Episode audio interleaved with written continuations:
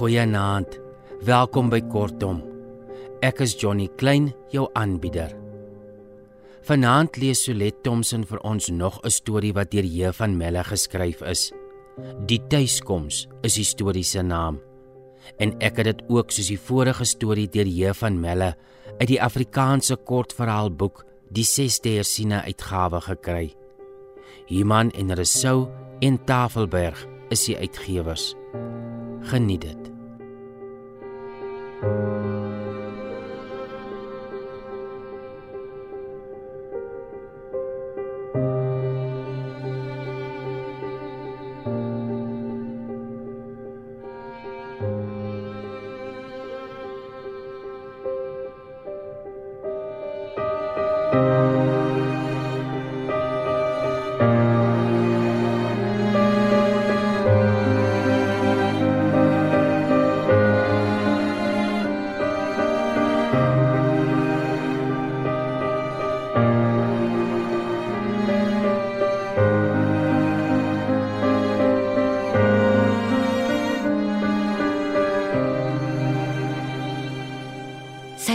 Sit haar kleinste kind op haar skoot en luister na die wind.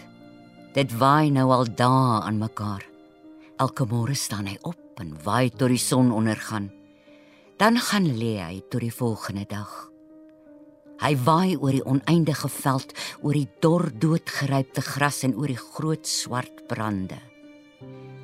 Na die kant toe is die veld heeltemal afgebrand en waar sy so sit, sien sy deur die venster die hele vlakte swart. Die bleekblou hemel staan daarbo, strak, sonder 'n enkele wolkie. En daarin skyn die son, magteloos om warm te maak waar die koue wind waai. 'n Eind van die huis af is 'n randjie, laag van wit klippe, ver agter al die wind, so alleen, soos 'n eiland. Dis eensaam in die huis en die wind daar buite maak dit met sy geraas nog eensamer. In 'n hoek van die kamer, op die grond met haar kop op 'n kussing, lê 'n meisietjie in slaap. Dan het sy nog drie seuntjies, maar die is nou almal skool toe.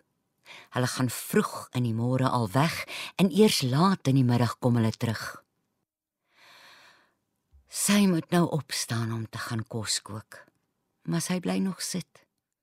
Die wind maak 'n mens moeg en droefgeestig, lusteloos, asof daar niks is nie behalwe die sprakelose huis en die afgebrande veld en die wind wat maar steeds waai. Sy's 'n teer, bleek vroutjie met groot blou droewige oë, glad nie mooi nie met 'n vaalbleek kleur, haar hare dun en sleg versorg en haar mond altyd half oop sodat 'n mens die geel ongeborselde tande sien. Maar tog is daar in haar gesig iets aantrekliks. Waardeur kan 'n mens nie so dadelik sê nie. Maar as jy haar so bekyk, voel jy 'n geneentheid vir haar in jou opgroei. Die hele winter was sy alleen met haar kinders, want haar man was met die skape na die bosveld en sy wou nie saamgaan nie om die kinders in die skool te hou. Dit was baie onplesierig, sowel vir haar as vir hom. Die hele 4 maande alleen. Maar tog wou sy dit so hê. Dit sou nog 'n maand duur voordat hy met die skape terugkom. Martinus Kloete trek met sy skape uit die bosse. Dit het al so warm geword dat hy nie langer daar kan bly nie. En hy het gehoor dat daar mooi reëns geval het langs die pad en dat die gras al begin uitloop. Maar op die eerste reëns het weer droogte gevolg. Die jong grasies het verlep en dit was weer die ou swart brande met net hier en daar 'n bietjie gras.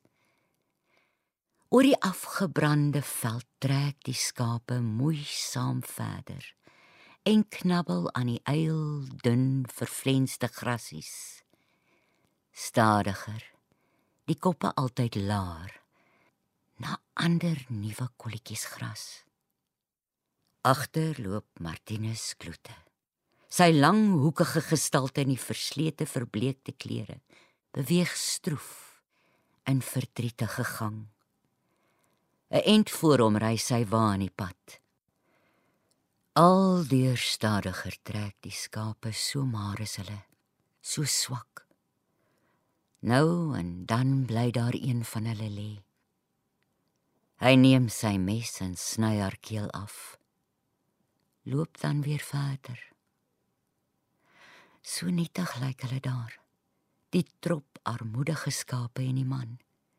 So verlate in die wye drukkende eensaamheid met die geel son bo hulle. Die son wat daar soos 'n vuur alle koelte en reën wegbrand en die bietjie gras wat daar is verdroog. Elke dag bly daar meer skape lê en hy sny hulle keel af sodat die aasvoëls hulle nie lewend kan kry nie. Dis nog die ergste om die stomme diere te moet doodmaak. Hulle kyk kom aan met hulle bekende oë. Hulle vra hulp en dan moet hy hulle doodmaak. Hy is voortdurend vol angs dat daar meer sal agterbly en bly lê. Hy sien dit naderhand altyd terwyl hy loop of as hy saans by die vuur sit of as hy onder die wa lê voordat hy in die slaap raak. In sy slaap ook. Altyd sien hy dit. 'n Skaap bly agter. Gaan staan. Gaan dan lê. Somstyds wens hy dat hulle maar almal moet dood wees sodat daar 'n eind aan kan kom. Eenmôre sien sy hom kom en hastig loop sy hom tegemoet. Maar toe sy die klein klompie skape sien, bly sy verskrik staan. Is dit al die skape? Sou daar so baie dood wees? En sy bly staan waar sy is en kyk na die skape wat traag nader kom tot hulle by haar is en verbygaan. Toe gaan sy na haar man, groet hom met 'n soen sprakeloos. In die huis gaan hy moeg sit op een van die kuste. Sy gaan by die tafel sit en kyk hom aan met groot, droewige oë. Maar hy kyk reguit voor hom in dowwe moedeloosheid. Die elfde is dood, sê hy. Sy gee nie antwoord nie, maar staan op en gaan by hom sit sy leun teen sy skouer en neem sy hand in hare. Maar sy sê niks nie. Lank sit hulle so want die slag was hard. Maar aan hom dink sy die meeste. Aan die swaar wat hy deurgemaak het. 'n Sterk verlange kom in haar op om hom te troos. Maar sy vind geen woorde nie. En stil sit sy daar teen hom. En liefkoes sy groot ruwe hand. Breed is die groot teenspoed om hulle. En daar binne asof opgesluit, benoud en alleen. Hulle twee. So dig by mekaar is hulle nou. Langsaam begin hy vra en vertel.